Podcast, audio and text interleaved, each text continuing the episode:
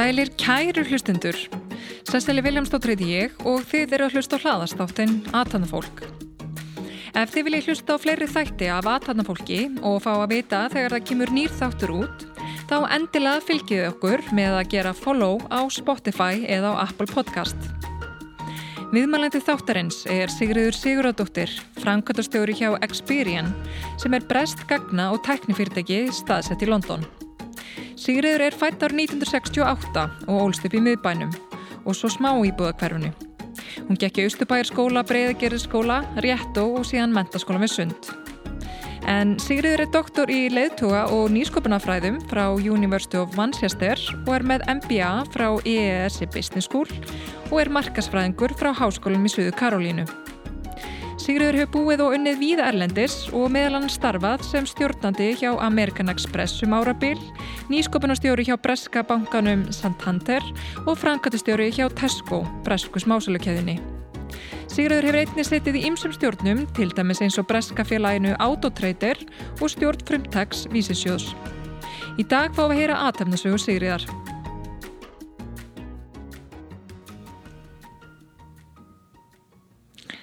Sæl Sigriður og verðu hjartala velkomin í þáttinn. Takk að ég kellaði fyrir og takk fyrir að taka á móti mér. Já, að sjálfsögur gaman að hafa þig. Um, við bara byrjum alltaf á byrjunni hérna hjá Atanólki. Þannig að um, ég ætlaði að spyrja þig, hvað ertu alveg upp og hvernig voru svona æsku árin? Já, frábært. Ég er hérna fætt og uppalinn í Reykjavík og mín fyrstu ár voru á Grettiskutunni, þannig ég fór í, ekki Östubæðaskólan og svo þegar ég er 11 ára þá flyttum við í smábákverfið og ég fer í breggjari skóla svo í rétt og svo í, svo í MS þannig að mín æskoðar voru bara fulla líf og fjöri. Fóröldra mínu voru ungir þegar þið átt okkur. Þrjú, við erum þrjú sískinni sem erum mjög nálagt í aldri. Og, það, og við vorum svona klassisk liklabönn á grættiskutunni og hérna og svona mjög goða minningar og mikið af bara fjölskyldun í kringum okkur og mikið hafðum á afa. Og já, bara svona góð æsku ár mm. Og hérna, hvernig er svona barn og úlinga varstu? Já, ég var svona, hérna, við vorum mikið í tónlist og hérna, ég var í kór og ég var svona samviskusum, mikið námsmaður, hafði gaman af að, að læra og samviskusum, svengi kór og svo var svona mikið list í kringum okkur, mamma er mikið saumakonna og það var svona, hérna, sápoll í hæðinni eiginlega. Og bara svona mikið söngur og fjör. Pappi spila gítar og svona partikall og mikið félagsmála frömur og, og hérna, já, það var bara svona já, mikið lífa fjör myndi ég segja. Mm. En síðan leikur leiðin í uh, mentaskólan við Sund uh, þarna, og hvernig voru svona þín mentaskóla ár? Já, þau voru bara, bara skemmtileg, ég mikið svona, ég egnast svona mína tröstu vinkonur í réttu og, við, og það, það var lág alveg fyrir bara að fylgja þeim í mentaskóla með sund, þannig að við fórum hérna nokkuð nokku marga saman þangað og bara hérna svona góð ár, þú veist, hérna skemmtilega ár, mikið nátt að vera að skemmta sér og ég var ekki beintinn einu svona félagsmála starfi sjálf en var í jazzballett og, og hérna og bara svona skemmt, og mikið með vinkonum mínum og hérna já, bara góð, góð, mjög góð tími. Mm. En hérna var eitthvað svona fag í, í skólanum sem kattaði eitthvað sérstaklega á því á þessum tíma? Sko eða? ég fór í hérna á náttúrufræðibraut og var alveg ætlaði mér að verða hjúgrunafræðingur en það breytist tölvert síðar hann að ég var, ég var allir yngreinunum hérna meira í, á hérna á mentaskólarum og ég myndi segja svona, svona minn ferill hefur verið svona bara að grípa tækifæri þegar þau bjóðast og það sem gerðist var að ég hérna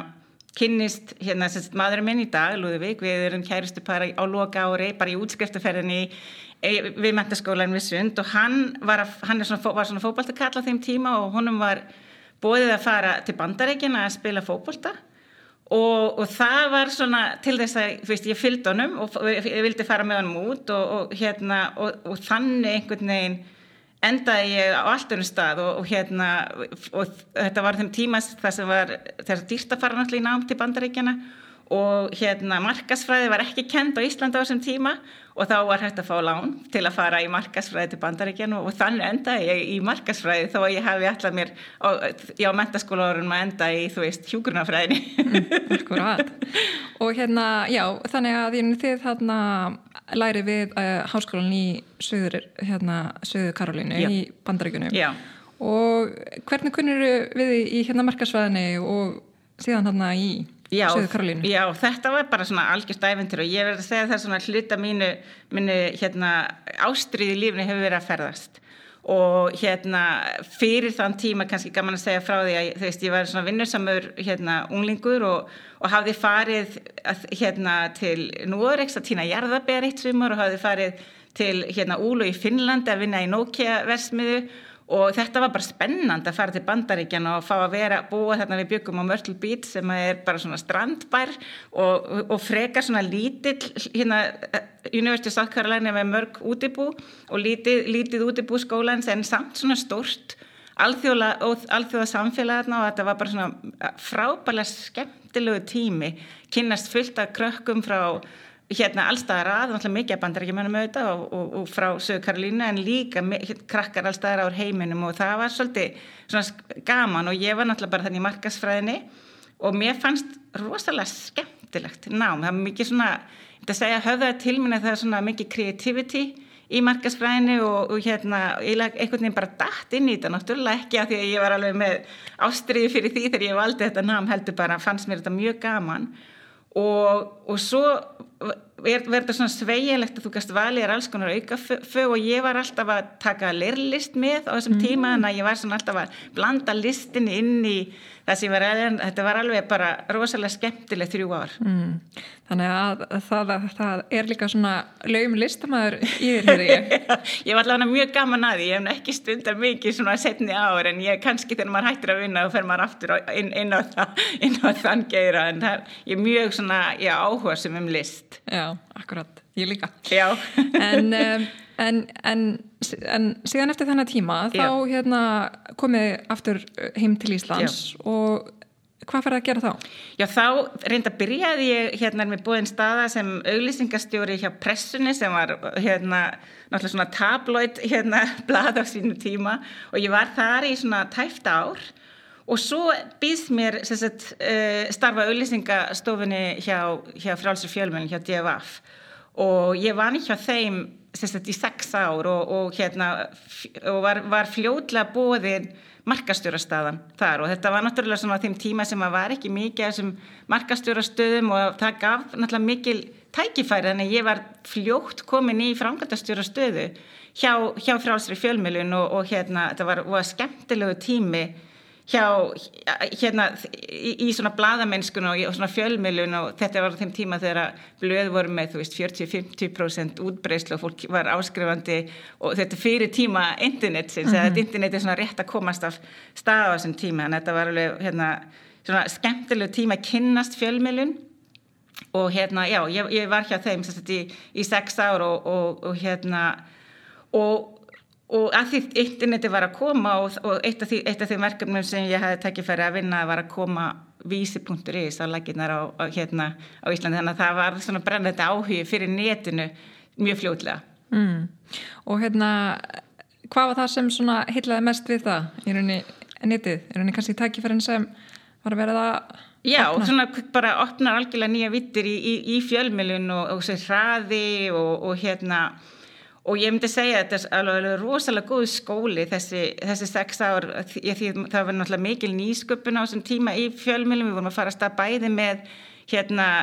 bara svona stefnumótun að vinna með, með, með hérna alla fjölmjölans sem fjölmjölun átti. Og svo að, að, að koma því á netið og allir þessi hraði og við vorum alls konar tilraunir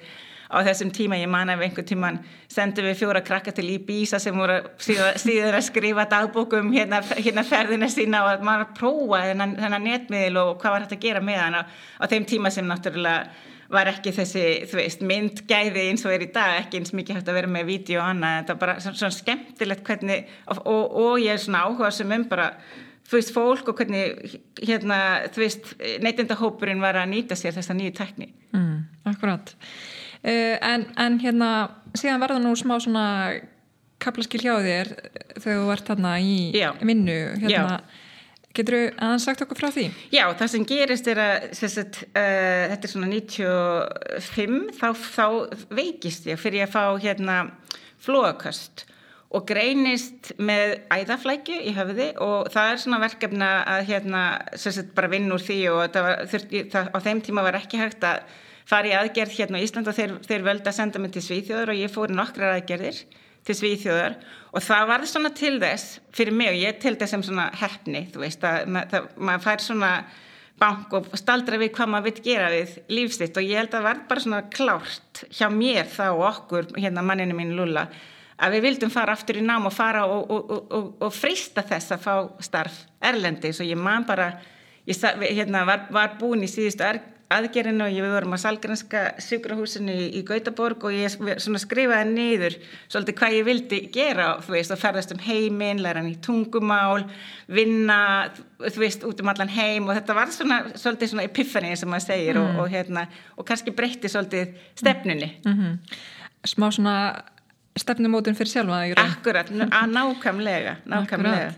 Og hérna, já, og þá fariði hérna og ákveðið að fara í nám uh, til Barcelona. Uh, eh, MBA nám í hérna eitt flottasta uh, viðskiptaháskóla í Evrópu ES ESE, ESE akkurat. Og hvernig var svo upplifun? Var, þetta var bara hérna alveg náttúrulega indislega skemmtilegu tími og Barcelona er náttúrulega dásamlega borg að vera í og, og fá að upplifa að búa í þennan tíma. Og við sko svona lánjóláni var það að við sóttum um seint og fengum ekki yngungu á því árið sem við sóttum heldur, heldur en árið á eftir. Og þá tóku við það ákvörðun að hætta í vinnu sex mánum áður en námið byrjaði og bara fórum í svona intensíft spanskunám og, og því okkur langaði báðum að læra spænskuna. Þannig að við vorum bara fyrstu sex mánuðin að fjóra tíma á dag í spænskunam og svo bara njóta alls þess sem Barcelona hefur upp á að bjóða. Og svo náttúrulega byrjaði námið og, og þetta er náttúrulega mjög alþjóðlega skóli eins og það segir og flottu skóli og það var bara svo gaman einmitt að kynnast fólki frá öllum hérna, heimishórnum og þetta, þeir byggja námsitt svolítið á þessari, þessari eins og Harvard byggir sitt nám sem er svona case studies eða svona, þú farið svona hérna já, upplýstingar um fyrirtæki og þú ert á ákveðin staði þessi fyrirtæki og þau þurfa að taka ykkur ákvarðinir og svo er þetta svolítið umræða og þannig að þetta var svona skemmtilegt uppbygginga náminu líka þannig að, mm. og bara gaman að einmitt að þú veist, leysa þessi verkefni með hópum og, og hérna, mikið náttúrulega svona stefnumótun, hugmyndavinna, lausnavinna og bara, hérna, og svo þarfur þetta náttúrulega bara, við erum mjög goða vini síðan í þessu námi sem að maður kynnist bara fyrir lífstíð. Mm, akkurat. Uh, og hérna, hvað fyrst eru svona að taka persónulega út úr náminu? Nú náttúrulega varstu viðskipta mentu og náttúrulega búin að starfa kannski í því nokkur ár. Já. Hvað svona tókstu einna mest út úr náminu? Ég held sko, í fyrsta lagi var þessi grunnur hérna heimann alveg rosalega góðir að því mann hafi fengið að takast á þessu stór verkefni í rauninni ef að því maður var ungur í, veist, hérna í starfinu hérna heima en hafi fengið að takast á þessu stór, stóra skemmtileg verkefni og krefandi verkefni og það var mjög góð grunnur inn í námið en svo bara þessi þú veist, alþjóða vitt og kynnast krökkun sem hefur starfað út um allan heim og maður allt í hennar hugsa um einhver sem kemur frá Indlandi og það eru allt ennur, þú veist, verkefni sem þau hafa verið vinnað eða þú veist, bara, þetta opna bara alveg nýjan heim, þessi alþjóðlegi viðskiptaheimur. Mm -hmm. Og þarna varst að koma nákvæmt með uh, útlenda uh, bakteríuna. Já.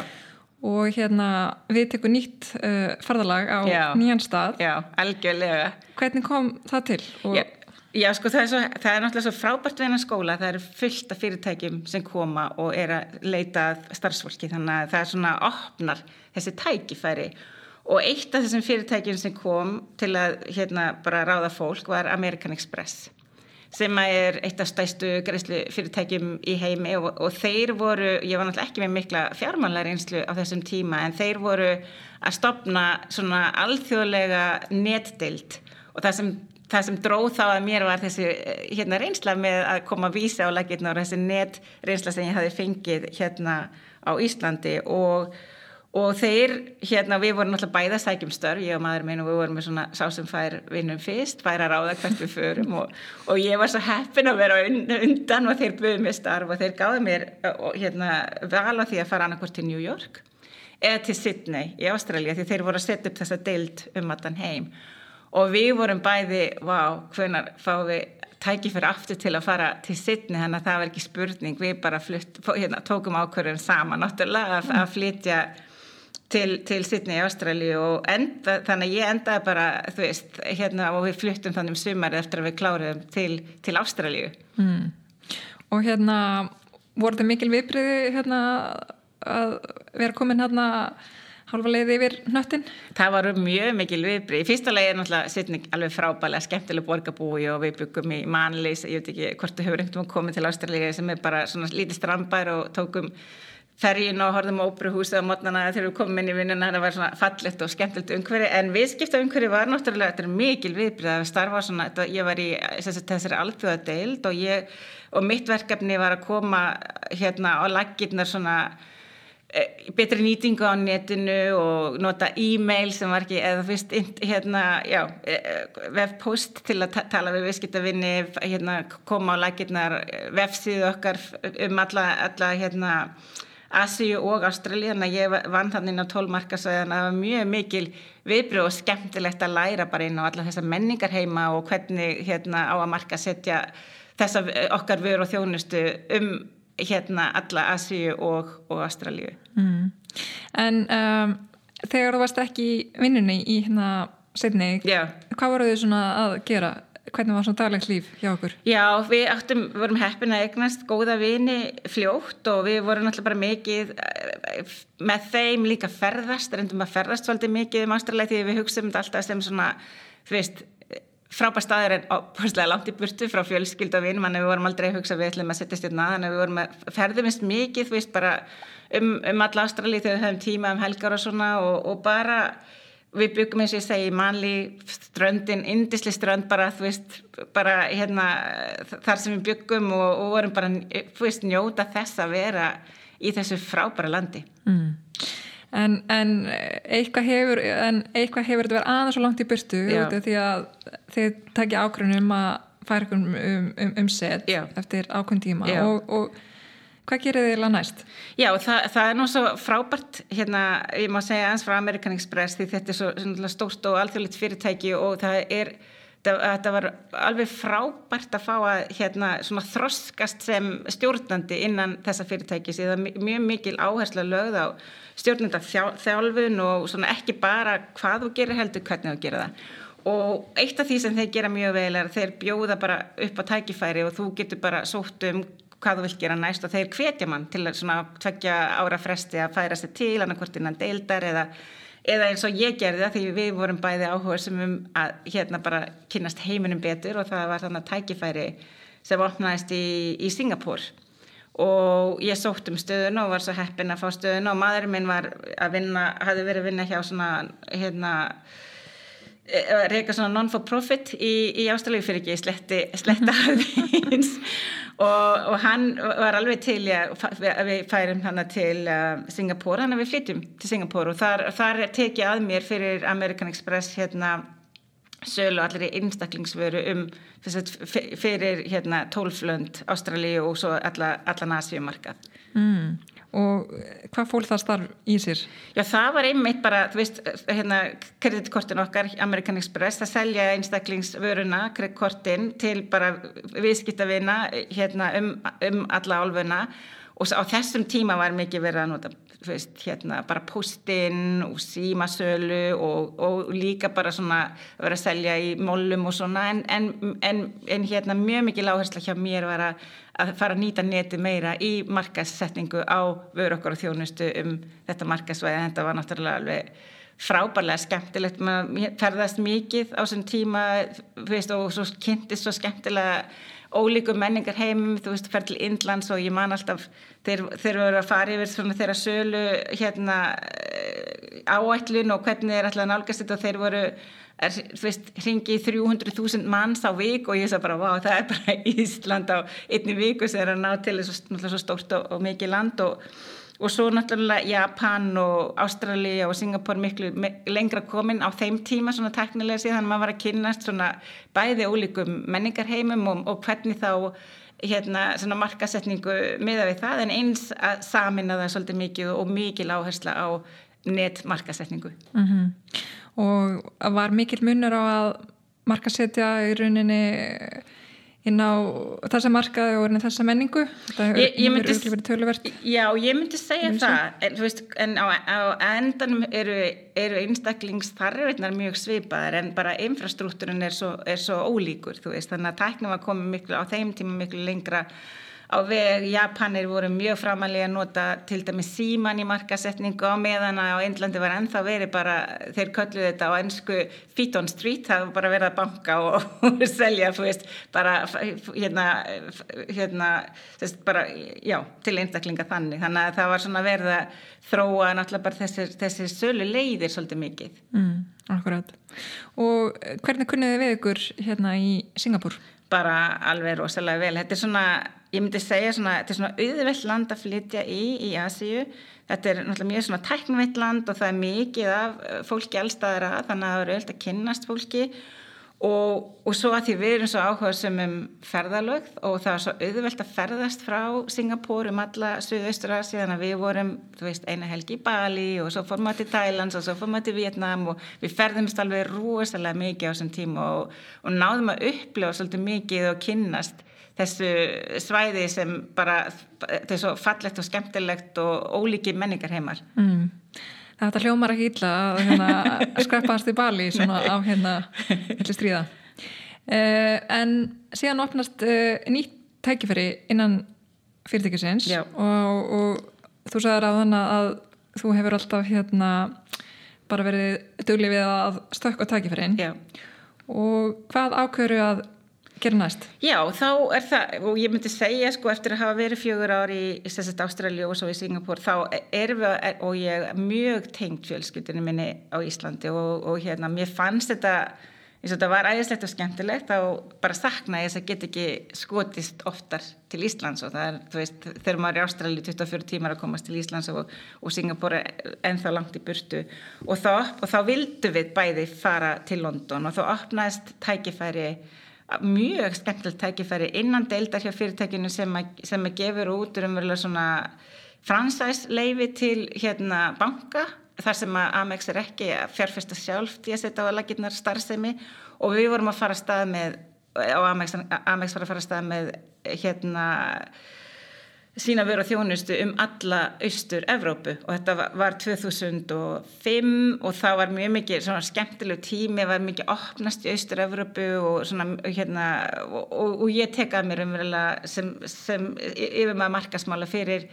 fyrir hérna American Express í Austur-Európu var bara að vinna inn, inn á 16 markasvæði þar og koma okkar vöru og þjónustu á lækirnar og það var alveg óbáslega svona skemmtilt frumkvöla starfið raunin að setja á lækirnar allt frá byrjun inn á, mark, inn á þetta markasvæði. Mm.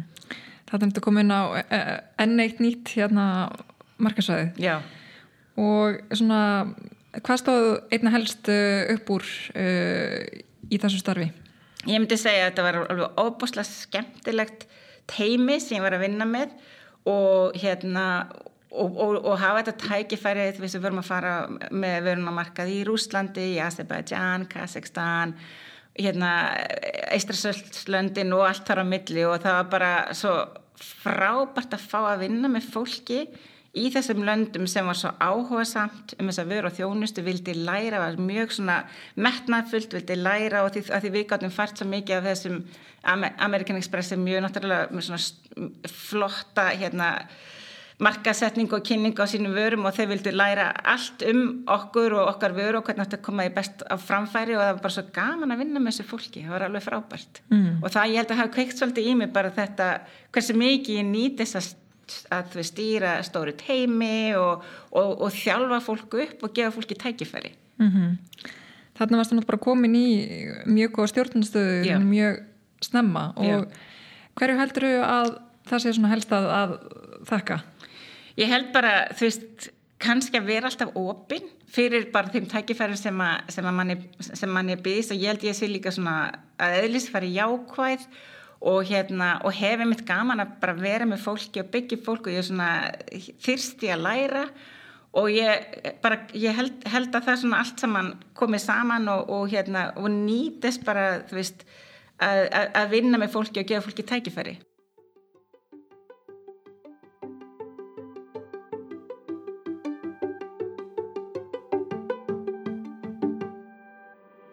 Ég gerir hér stuttlið til að færa ykkur skilabóð frá kosturaðala þáttarins, Æslandir. En nú er ekki setna vætna en fyrir stjórnundur að huga jólagjöfum fyrir starfsmenn, en hver vill ekki fá ferðatillökun í jólabokkan í ár? Ég bara spyr. Um að gera að senda bara línu á fyrirtæki at Æslandir og spyrjum tilbóð fyrir jólapakka gafabref Æslandir til starfsfólks. Og snúum okkur aftur af viðtilinu. En síðan færðu líka annað mjög stort uh, tækifæri þegar þér uh, býðst að stýra nýsköpun og vöruþróun uh, innan fyrirtækisins uh, og hérna og, og þá ennþá starra markassvæði yeah. Yeah. getur sagt okkur aðeins svona frá því stökki? Já, þegar ég fyrir til New York já, þá hérna, sko þetta var náttúrulega og kannski aðeins að segja frá því að því að það blanda saman líf og vinna við hérna maðurum minn hafðum hérna ættleit, tvö börn um, sískinni, Alessandra og Dínu börnin okkar sem eru 14 og 15 í dag frá Rúslandi 2010 og ég er þarna að vinna í, í London og er til til að nýkominn úr barsegna frí, við tók, tók hérna sex mánu í frí me, me, til að vera með krökkunum og, og maðurinn minn tekur á þeim tíma ákverðunum að vera heima með, með börnin alveg. Og þá býst þetta tækifæri. Þeir American Express er búin að setja á lakirnar nýsköpunar hérna, hérna sagt, deild í New York og svona hugsa um framtíð greiðslu miðlunar og, og hérna er, búa, er búin að ráða inn mikið af fólki frá Kísildalunum og, og svona er að reyna svona að blanda inn þessari, þessari, þessari miklu nýsköpun sem er að gerast og, og mér býst að því hafði verið í svona prógrami hjá American Express sem að, sem að var svona byggja upp konur í, í leittóðastöðum og þeir eitt af því sem þeim gerðu voru að, hérna, gefa mér tækifæri til svolítið að velja og þeir buðið mér þetta starf þannig í New York. Og það var svolítið erfið ákvörðuna því að við vorum alltaf nýbúin að eignast tvö börn og, og svona stóra ákvörðin að flytja all fjölskyldan til New York en á endanum og við gerum þetta allt mjög svona saman ég og maður minn og við bara tökum ákvörðin að stökku á þetta og, og, og hérna og flytjum til New York. Og, það, þar vinni í þessari nýsköpunadeild og séum alla dreifingu á einstaklingsvöru þessari, sem við vorum hérna, með um, um á bandarækjamarkaði sem var alltaf mjög, mjög skemmtilegt verkefni mm -hmm. uh, En þú komst þarna inn á áðan í rauninni þessa hérna, stjórnindaþjálfun eða er þetta leadership uh, yeah. training program yeah. hjá hérna, fyrirtekinu yeah. þannig að, að uh, fyrirteki hefur þá stutt vel við svona framþróun hérna starfsfólks innan fyrirtækisins eh, en, en hvernig var þetta uh, stjórnenda uh, prógram innan fyrirtækisins? Já, það var, var að segja það að þeir hafi verið mjög framarilega í því að, að svona, svona allir þessari starfs, starfstjálfin og gefa fólki tækifæri og, og, og það er náttúrulega sterkir ferðlar að hérna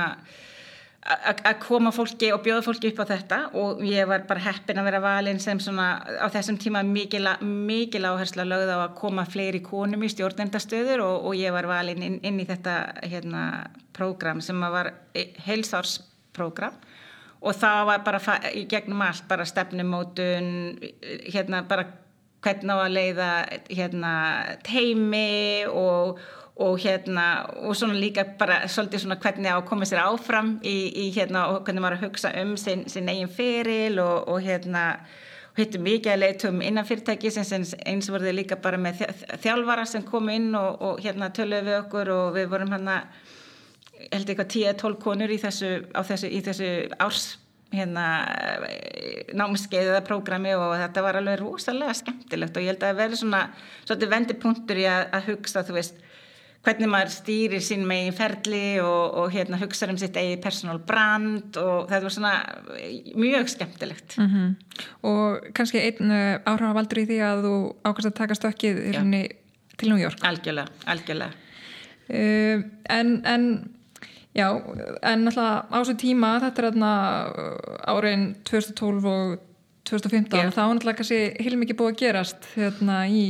sem, sagt, eh, sem tengist í raun stafræðinu þróun og slíkt yeah.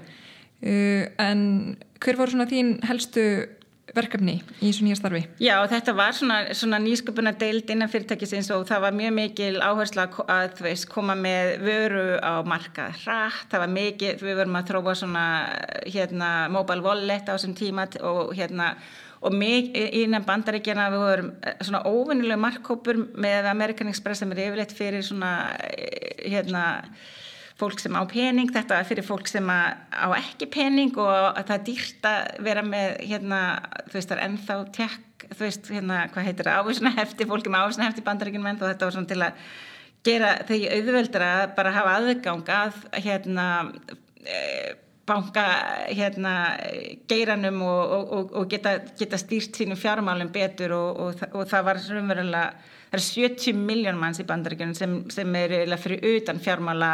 geiran eða hafa ekki aðgang, auðveldan aðganga lánum, auðveldan aðganga bankareikningi og þetta var umverulega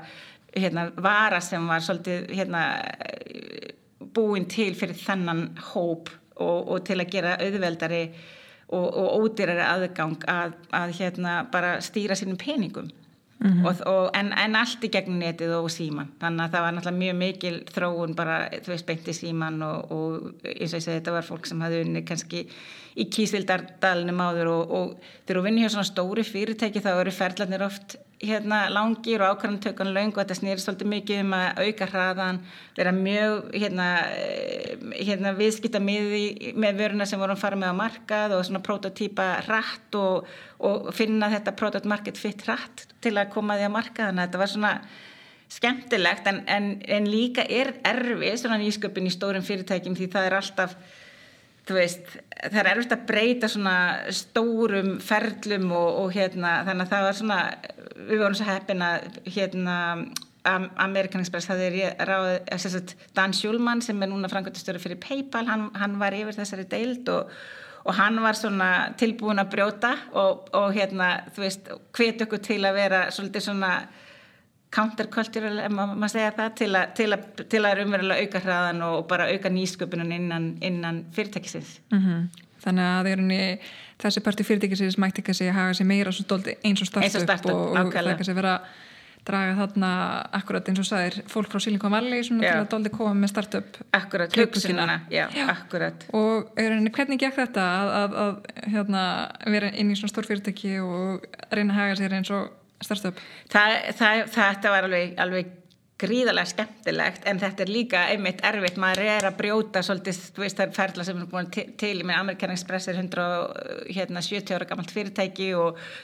mjög rótgrónir ferlar eins og getur ímyndað þér og, og, og náttúrulega kannski fólk sem búið að gera hlutina ákveðin hátt mjög lengi og þá þarf svolítið að vera tilbúin að fara gegn því og brjóta og, og bramla aðeins. Og það var bara mjög gaman en líka, þú veist, maður þurft að vera með svolítið svona breytt bak breytt bak og olbúan úti Já, akkurat, Já, akkurat.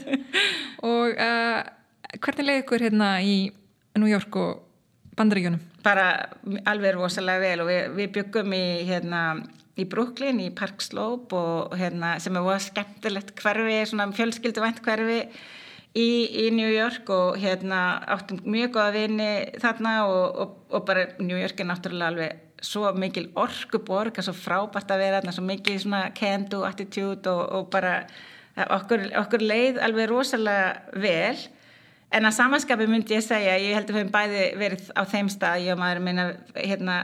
frábær reynslega á hvern tíma en við erum Evropabúar í hjartanu og á endan vildum við koma aftur til Evropu mm. Um, þannig að þið takið akkurat enneitt stökki og ákveðið að flýta til London. Já, og þá, þá voru við náttúrulega væri búin að vera hjá American Express í 14 ára og ég hugsaði svona kannski komið tíminn til að aðeins að breyta til og, og, og prófa eitthvað nýtt. Og þá er haft samband við mig frá hérna, Santander bankanum og þeir eru að setja á laggirnar hérna, nýsköpunar deild í London fyrir, fyrir hérna, breytansmarkað og þeir hérna fá mig til að koma inn og setja þessa deild á laggirnar. Og ég verði yfir maður einstaklingsþjónustu og nýsköpunar fyrir, fyrir, fyrir bankan í Breitlandi mm. og þannig að við flytjum aftur 2015 flytjum við aftur til, til London og það er náttúrulega breyting eftir að hafa verið 14 ár hjá einu fyrirtæki farin í mjög spænskur banki í Santander og, og, og leiða nýsköpun fyrir bankan í Breitlandi og hérna hvernig var þessi tilfarsla þarna að fara svona inn í aðeins öðruvísi umkuri Já Þa, það, var, hérna, það var svolítið breyting og maður þurfti náttúrulega svolítið aðlega sem að kynast náttúrulega kultúrni með menningunni, hérna fyrirtækja menningunni sem er mjög ólík hérna American Express, þetta er svona þess að ég segi, þetta er náttúrulega einna stærstu bungum í heimi með 200.000 manns í vinnu og, og þó ég væri að vinna breytlasmarka þá var mikið tenging líka inn í grúpuna í, í Madrid og svona sterk svona spænsk áhrif, þú veist, allstaður og, og, hérna, mað, og það, það kom sér vel að kunna spænskuna, Já. það var nú bara mjög skemmtilegt og, hérna, og geta átt samræðra því að það gerist sérstaklega þegar þú ert að vinna með gruppun í matur þá gerast hérna, ákvæmna svolítið á göngunum og fólk er að tala og þú veist það er ekki svona það er svona aðeins öðruvísi stjórnendastil myndi ég segja heldur en frá Amerikanunum mm. og Anna Botín stýrir bankanum og þetta er náttúrulega líka veist, 150 pluss gammalt fyrirtæki og Botín fjölskyldan stopnaði bankan fyrir 150 árum og hún er framgötastjóri yfir bankan á, á heimsvísu og, og það var bara Já, svolítið láskurinn að koma að nýjan, ég er náttúrulega ekki sérfæraðingur í bankastarðsemi, ég er búin að vinna í greiðslu þjónustu og svona payment en ekki í bankastarðsemi og, og ég satt þarna í framkvæmtastjórna teiminu í, í, í Breitlandi og það var mikið að læra inn á, veist, bara þennan, bara þennan banka heim. Og en, en á samaskapi að vera þessi hérna, manneski sem var að reyna að keira hérna, miklu meiri hérna, einblýna á hvað kunin vildi, hvað viðskiptaðunum vildi og að auka bara hraðan í, í nýsköpun innan fyrirtæki sem svo koma allir þessari nýsköpun að deild á laggirnar og, og, og svolítið svona að vera svo sem er tilbúin að brjóta og, og hérna og hérna challengea því sem er búið að vera kannski gangi lengi mm -hmm. Og hvað sáu þið svona helstu tækifærin í, í nýsköpun innan það, það, það er bara það er mörg, mörg tækifæri en, en þú skoðar svona þú veist, hvernig var viðskipta upplifininn, þú veist, til dæmis að sækja um, þú, þú veist, lítið fyrirtækjur að sækja um lán og ég, svona lít hérna mappað út hvað það tók langan tíma og það var frá því að sækja um þar til þú fegst lániðin á reikningin voru kannski fjóra til sex vikur sem er algjörlega út í hött. Þannig að hjá mér tækifærin sem ég sá er að vinna mikið meira með nýsköpunar fyrirtækjum með svona fintech fyrirtækjum, fjártakni fyrirtækjum sem að voru búin að finna miklu hraðari og betri lausnir. Þannig að til dæmis í þessu tilfelli þá fundum við fyrirtæki sem eh, var að bandarækjumarka sem heitir hérna Cabot og var í að hérna raunverulega búin að stitta þessa ferla niður í það frá því að sækja um lán þar til þú fegst peningin inn á reikningi voru sjö mínutur. Þannig að það var svolítið bara auka hraðan og auka alla þessa upplifin í gegnum neti fyrir viðskiptavinni hvort sem það voru hérna, fyrirtæki eða einstaklingar. Við vorum að hérna, til dæmis að staða með svona e, og fyrir ekki að ég sletti svolítið svona robotvæsari í, í hérna að hérna, sko, skoða hvernig þú ætti að fjárfesta og allt svona bara hraðar í ferðlar vinna með fjártakni fyrirtækjum sem voru búin að finna miklu betri lausnir. Og það var svolítið láskurinn að því að svona stóri bankar, stoltir bankar finnst þeim oftast þurfa að gera allt sjálfur þannig að bara það að hérna sannfæra þá um að það væri gott að vinna með öðrum til að, til að bara auka hraðan, auka nýsköpunina það tók svolítið tíma líka og svo náttúrulega mikil, mikil áhersla bara á að, að hérna, stittaferðla, auka hraða ákvarðanartöku og svona láta fólk vinna betur saman mm. þetta er svolítið svona steildaskipt oft og það er svona vantaði svolítið upp á þessa bara þetta samstarf og, og hérna og svona, já þannig að það var, það var mjög mörg tækifæri að bara eh, búa til betri vöru hraðar fyrir viðskiptavinni mm -hmm. Margt að gera greinlega en þú ert uh, greinlega kuna sem vil hafa mikið fyrir stafni því að við kannski skutuðum að það segja verið áðan en, en þú varst líka í rauninni eh, fórst í doktorsnám meðan varst þú út í bandarækjunum, já, akkurat. Uh, hvað kom til að þú ákast að gera það? Sko það var eiginlega, forsaðan er eiginlega svo að þegar við vorum í ætlaðingaferlinu í Breitlandi að þá áttu við vona því að það tæki svolítið langan tíma og það var, við vorum búin alltaf, þú veist, eh, að teku langan tíma að sækjum og, og langur byggtími að, að byggja eftir hérna því að fá bara referral og, og, og börnin, þú veist, þannig að ég var svona að hugsa, ok, ég er hérna í þessu starfi og hérna og meðan ég hef þennan tíma þá ætla ég að ég er mjög brennandi áhuga fyrir bara, bara svona símentun og alltaf að vera að læra eitthvað nýtt og ég hafði alltaf, mér hafði alltaf langað að fara í doktorsnám þannig að ég sækjum en svo náttúrulega gerist þetta alltaf þannig að þegar við erum komin inn í námið að þá bara gerast hlutin miklu hraðar en við áttum að ná og, og allt í enn er ég komin inn í doktorsnám og komið tvö lítið bönn heim og ég var alveg bara ó, þetta er kannski aðeins og mikið og við viljum úli rættum þetta og maðurinn minn og hann sagði bara neina ég styrði í þessu, skellti bara í þetta og, og svo bara tók ég minn tíma í þessu. Ég var sjö ár í þessu námi sko, sem er vennilega fimm ára nám og, og byrjaði þegar ég var í Breitlandi en, en svo gæti samin að svolítið það sem ég var að gera í bandaríkjónum með þess að eh, hérna mín áhersla var bara á nýsköpun innan hérna stóra fyrirtækja og hérna og svona leitugahafni og ég gæti nota svolítið verkefnin sem ég var að gera í bandaríkjunum um það sem ég síðan skrifaði doktorsrýtgerina um. Og ég mhm. kláraði held í 2017 mm. Og þá kláraði ekkert um, doktorskráði í stjórnunar og nýsköpunar uh, fræðum frá Business School. Akkurat, það passar Uh, uh, fannst þið þetta nám uh, bæta miklu við það sem svona, þú hefði nú þegar lært og eru mest að starfa við? Sko ég, einhvern veginn hugsaði alltaf bara ég er getið fyrir sjálf með því mér langar fyrst bara að læra en það sem komir inn og óvart að þetta eiginlega hjálpa mér svolítið mikið að komir inn á þessa nýsköpuna braud bæði hjá American Express og svo náttúrulega þegar ég hérna byrjaði hjá Santander. Og það, það hjálpaði umverðilega mjög mikið því að þegar ég, þetta verkefni sem tókaði mig hjá Santander var að koma á lækirnar nýsköpuna deilt alveg nýri og svona hugsa hvernig við hröðum alltaf þessa ferla og það var bara nýttist mér mjög mikið það sem ég hafði raunverulega skrifað um og, og hérna og, og nýtt mér bæði námið og eins það sem ég var að gera í hérna bandaríkjunum hjá American Express mm -hmm. Þannig að eh, það maður segja að þú svona byrjaði aðeins í markasfæðinni og, og þetta náttúrulega tengist allt og Akkurat. svo ertu í rauninu komin í vöruþróununa og nýsköpununa en, en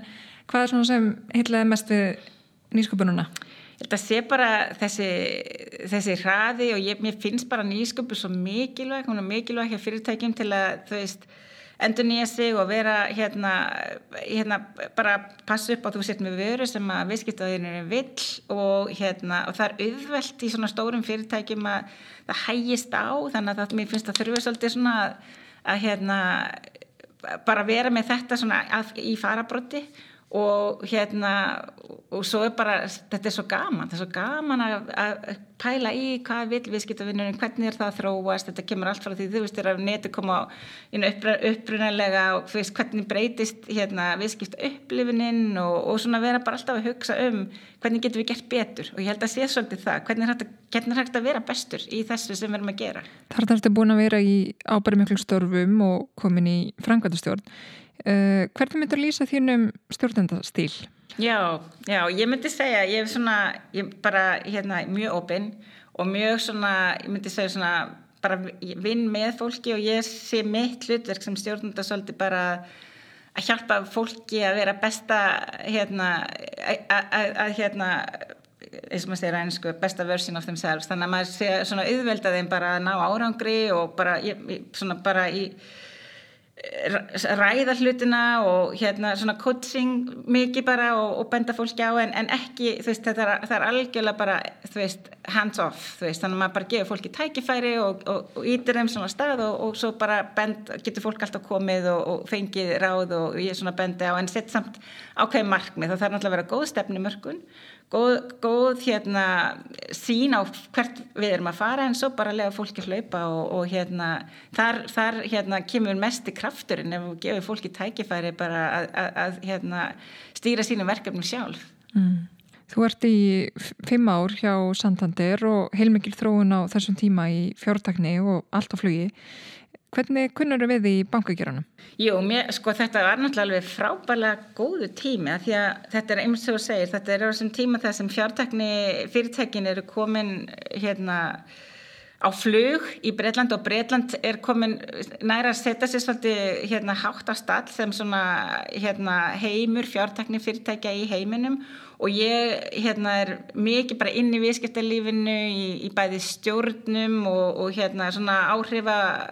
hópum í Breitlandi um að auka hérna nýsköpun í, í, í fjármálegeiranum þannig að þetta var svolítið gaman að fá að, að, að, læra innabankagerinu þessum tíma og, og hérna og íta svolítið mikið af stað þessari nýsköpun innan, innan Santander en eins líka hveta til nýsköpunar í Breitlandi í, fjár, í fjármálageranum og, og hérna það er náttúrulega sem ekkit vann, vannþörf á. Það er, bank, þegar ég byrjaði hér bankanum það var kannski minni áhersla á raunverulega hvað vil viðskiptuvinnur heldur bara veist, það var umræðan í, í, í hérna, frangvöldastjórninni var meira bara um veist, peningana, hvernig balansít og þetta þannig að það það, það var alveg þörf á að setja kunnan í fyrsta sæti. Mm -hmm. Akkurat, þessi hérna notenda meða hönnun og, og, og, og slíkt og náttúrulega ímis breyting þar í gangi og yeah. það kannski má segja að vinna að, að, að, að lókum þá mun að notaðurinn kannski alltaf vinna. Þannig að fyrirtekin þurfa svona doldið að reyfa sig að því. 100% það er, það er alveg rosalega mikilvægt og ég var svo heppin að meðan ég var þarna líka þá, þá hérna gáði mig tækifæri til að fara að stað með algjörlega nýtt fyrirtæki innan Santander í, í hérna svona, svona fjartakni fyrirtæki sem, og, og það gaf þið mikla einsinn yfir hvernig, hvernig var þetta að gera hlutinu öðruvísi og hraðar mm. og hjálpaði það svona tóltið að slíta þetta út úr í rauninni, hérna, í rauninni stórfyrirtækinu? Já, það var, það var náttúrulega svolítið verkefni að, að slíta við settum þetta alveg á lækirnar sem, sem, sem sér hérna eining og vorum á öðrum stað í bænum meira sér til það veri ekki þú veist, hérna dregin inn í bara stóra batteríið og, og hérna og, og hugsa svolítið ferl, alla ferl upp og nýtt, allar hérna hvernig uh, stýrum við sér best að fá, við fengum náttúrulega leiði frá hérna FCA til að reyka fyrirtækið og þannig að það var svolítið vinna í að setja þetta allt upp á laginnar sem síðan hjálpaði bankanum að sjá hvernig mætti gera hlutina öðruvísi og, og hraðar og meira notenda miðað mm. Uh,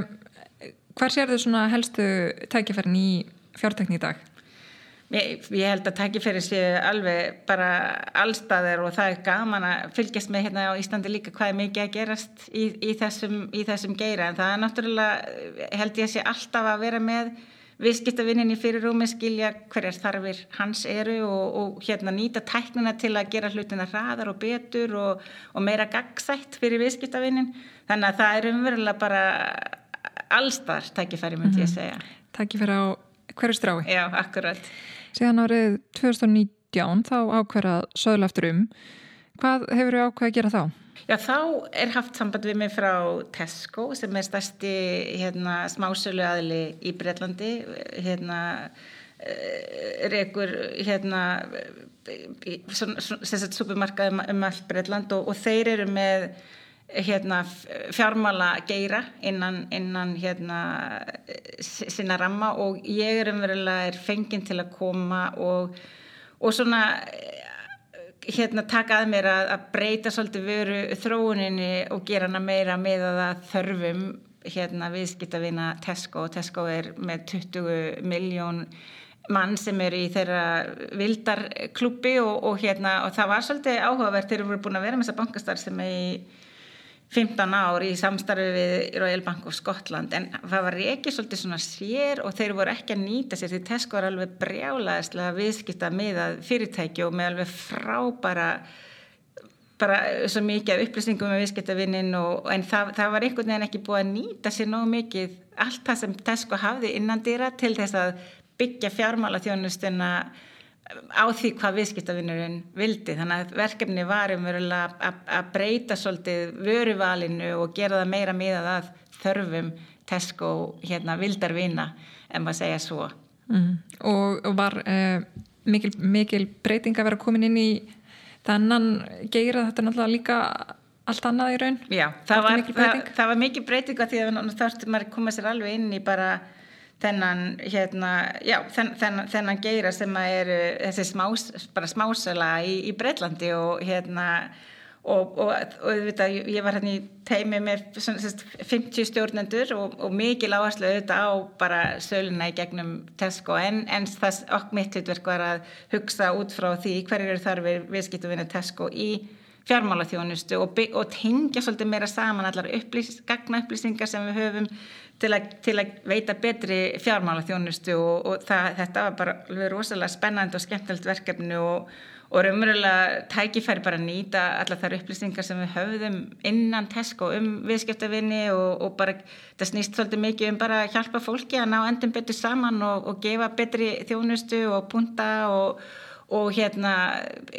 veita lán þegar þau þurfa að halda kreditkort sem, sem að gefa þeir meira þegar þú ferðu verslar í Tesco. Þannig að þetta var svona tengið allt svolítið betur saman. Mm -hmm. uh, En þarna ertu þá eitthvað sem heitir á ennskuti við út af náttúrulega stundum verðum aðeins að, að, að sletta. Tíf customer officer og hérna og þú ert þarna í topp 50 manna leitu að teimi hjá Tesco og þetta er bara risastórt fyrirtæki. Við hefum bara 350.000 mann sem dreilir svo Ísland. Það var akkur þess að ég sagði við alltaf fólki sem áferði mig ég ger eitthvað grein fyrir því að bara tækifærin innan Tesco er, er starð Íslands. Þannig að það var hérna ymmit og þetta var svolítið skemmtilegt því það eru hérna, breytingar á framkvæmtastjóra hjá Tesco á þessum tíma þannig að það var farið mjög mikla stefnumútuna vinnu ymmit um framtíð hérna, smásölu og, og hvernig hérna, við byggjum okkar þjónustu og, og, og fyrir maður nýta miklu meira bara rafræna leiðir og, síman til að marka setja til viðskiptavinn og einst hengja allar upplýsingar sem við höfum um viðskiptavinna því við vitum nákvæmlega hvað, hvað, hvað viðskiptavinnurinn er að versla og til dæmis bara veist, þeir sem kaupa brokkoli eru meira kreditvörði heldur en þeir sem kaupa monster og það er að nota þessar upplýsingar á svo skemmtilegan hátt með auðvitað, þú veist, undir reglu verkinu, hérna maður þarf að passa upp á það er persónu upplýsingar en, með leifinótadans nákvæmlega með leifinótadans, já, akkurat. Og þarna eru náttúrulega þessar upplýsingar orðnar eru miklu, miklu stafræðni heldur en kannski áður þá hægt að vinna betur með gögnin. Já, akkurat Uh, en hvernig er að vera stjórnandi hérna, þetta er kannski svona ofinspurning í, í svona rosalega stóri fyrirtæki uh, er, er hérna svona, er, eru svona ný tól sem stjórnandi þarf að taka upp eða að, aðrar aðferði sem þarf að beita þegar náttúrulega þú ert komin í þessa starf Já, það er náttúrulega þessum það, uh, fyrstulega er, er bara náttúrulega opaslega gaman að vera í svona stóri fyrirtæki og, og, og áhrifin sem getur haft innan svona stórs fyrirtæki sem er mikið fólki. En þetta er náttúrulega á þeim tíma líka þegar COVID skellur á og þá bara er, eins og allir þekkja þá bara allt íni færist allt í hérna að geta nýtt sér tæknina mikið betur, Teams og, og ég verði að segja, ég er mjög stolt af því sem við gerðum. Veist, bara yfir nótt voru öll komið bara í hérna að tala við starfsfólki bara í gegnum hérna Teams og gegnum þessa samskiptamila og við hérna jögum mjög samskiptin, það voru oftar fundir, oftar meiri endurgjöf, meiri upplýsingar og, og hérna og, og það er bara var til þess að það var herri, ennþá herri hérna,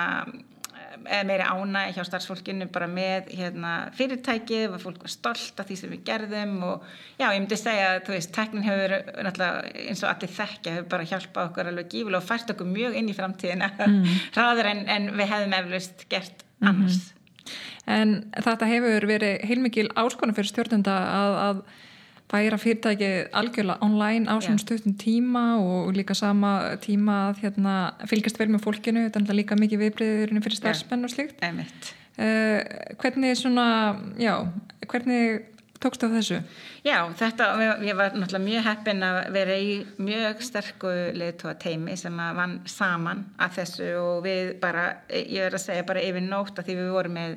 svona stór uh, og fyrirgeði sletti svona call centers og við þurfum að færa bara alla yfir í að geta unnið að heiman og þetta var bara gert á okkur um dögum þannig að við vorum bara allt í nöll komin á Teams og það voru að taka símtöl frá viðskiptavinum bara fólk að heiman og fólk að gefa bara talvan og, og græur til að geta gert þetta allt að heiman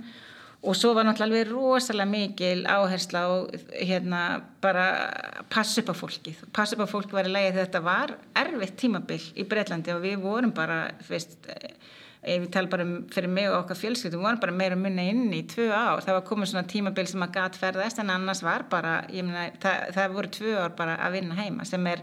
ansi langu tími og það þurfti mikið að passa upp og svona stöðut verða að fylgjast með hvernig er líðan fólks og ég gerði mikið að bara svona uh, hérna fundum sem fólk komið og bara, bara spjalla hvernig það liði, hvernig, hvernig það væri bara til að taka púlsinn og vita hvernig áherslu verðum að leggja og hvernig verðum að bæta betur og að passa betur upp á, á fólki því fólk var náttúrulega gangið gegnum alls konar erfiðleika, veist, kannski fóröldraveikir eða þetta var, þetta var mjög svona erfið tíma og mikil hérna já, reyndi á svona stjórnendahætti. Mm, Já, ég trú því. En uh, tilur að yrunni þrátt fyrir þessa erfiðleika og, og áskoruna að yrunni kannski fyrirtæki sem slíkt sko að yrunni þurfa að hafa tekið þessa stóru breytingar á stöttum tíma hvort að hafa yrunni til að hjálpa við uh, svona ákveðna prósessa að koma um í nútæmlegra form á þessi stýttir tíma heldur en eða uh, ef að COVID hefði urinu komið upp? 100% það bara, veist, það, til dæmis bara Tesco's sjálf þá, þá tvöföldu við hérna á alveg rosalega stundum tíma okkar hérna að geta þjónust á fólki gegnum netið, að panti gegnum netið það var, það, þú veist það já, það var bara ákveldi tvima þreim viku sem við tvöfölduðum okkar getur til að þjónusta fólki gegnum, gegnum netið og gæst panta gegnum netið við gætum sendt matinn heim og, og hérna Tesco náttúrulega sjálft var mjög mikið laðið miklu áherslu bara á að vera í fararbrotti með að fólk hefði mat og það við varum, þú veist það var, við töluðum við erum hérna, okkar hlutverk er að feed the nation og passa síðan upp okkar, okkar starfsfólk og það var bara alveg rosa, það gerði, það algjörlega breytti hraðanum og breytti og ég held að mörg fyrirtæki upplegaði sama bara hvað var hægt að gera á stuttum tíma þegar það var algjörlega klást hvað þurfti að gera mm. til að standa við okkar viðskiptavinni og standa við, við, með okkar starfsfólki. Mm -hmm. Þannig að þeir rauninni geta stór fyrirtæki fara hrætt yfir þegar þú hérna, þegar þörfur á þegar virkilega þörfur á. Ég held að hafa orðið alveg bara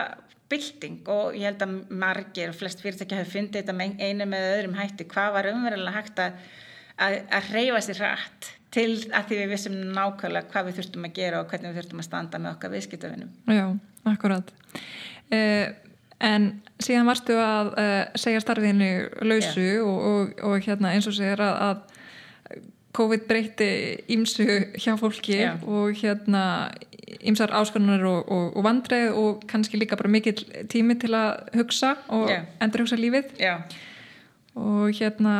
getur aðeins svona sagt okkur frá því Það, sko,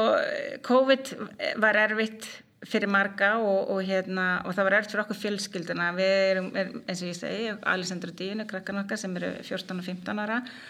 Og hún, það reyndist alveg sérstaklega rauðt fyrir Alexander, hann er með ADHD og hérna svona kvadvísi og að það að vera heima í svona langan tíma hafði bara mjög mikil áhrif á hann andlega og hann var þunglindur og, og bara var alveg rosalega erfitt síðasta ár. Og ég og við Lúli bara tókum það ákverðin núna í voru að það veri, hann þyrti það mikið stuðning og þau bæði en hann hérna plummaði sig mikið betur og í gegnum þetta að ég ákvað bara út af þessum ástæðum að segja starra minni lausu og bara taka mér uh, eh, 6-8 mánuði, bara algjörlega einbytta mér að, að fjölskyldinu sem að hefur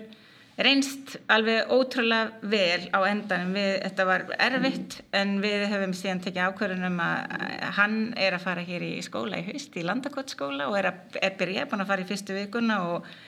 og bara líst vel á og, og bara er komin á mikið betri stað. Þannig að hann verður hér í vetur með að hluta til pappa sínum og, og hjá hafa sínum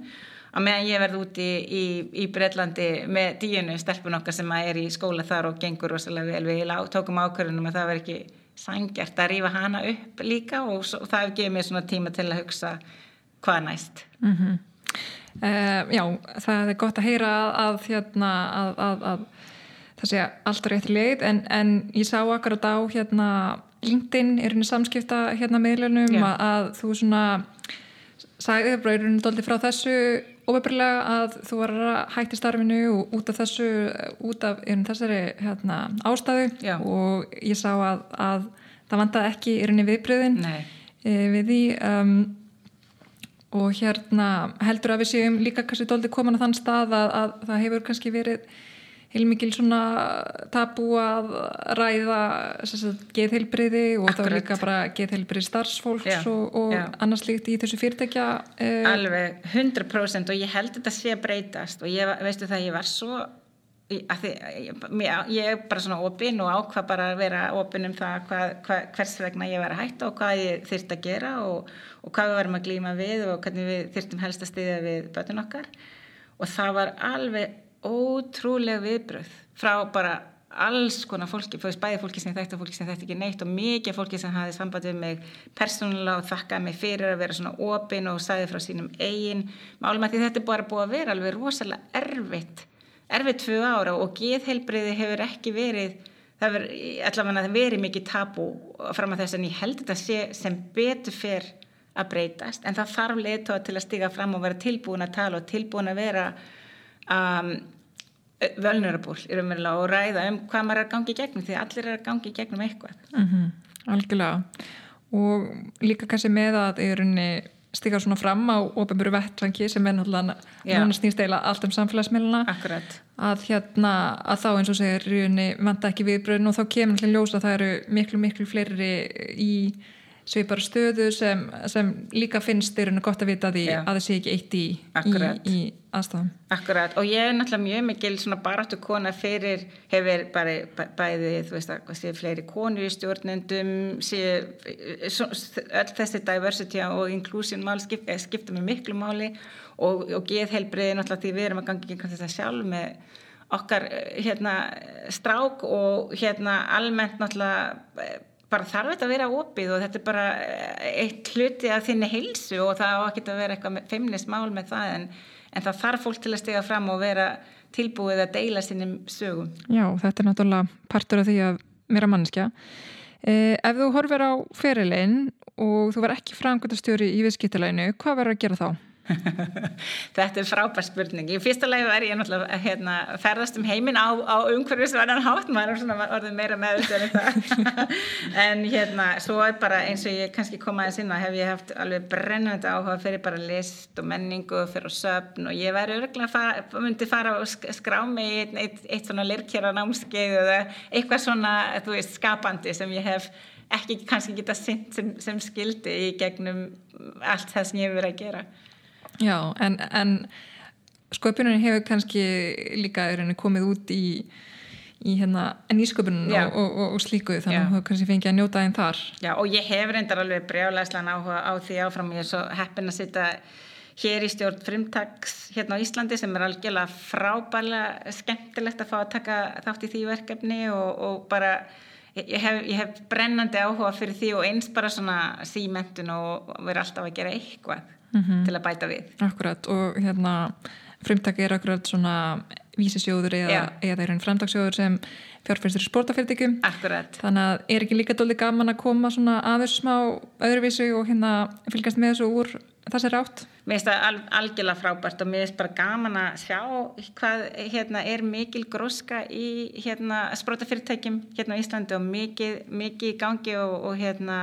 og alveg sérlega skemmtilegt að fá að koma að þessu verkefni mm. þannig. Og, og smá svona fá að vera með, með puttana aðeins in, in, til Íslands aftur, það er mjög gaman. Já,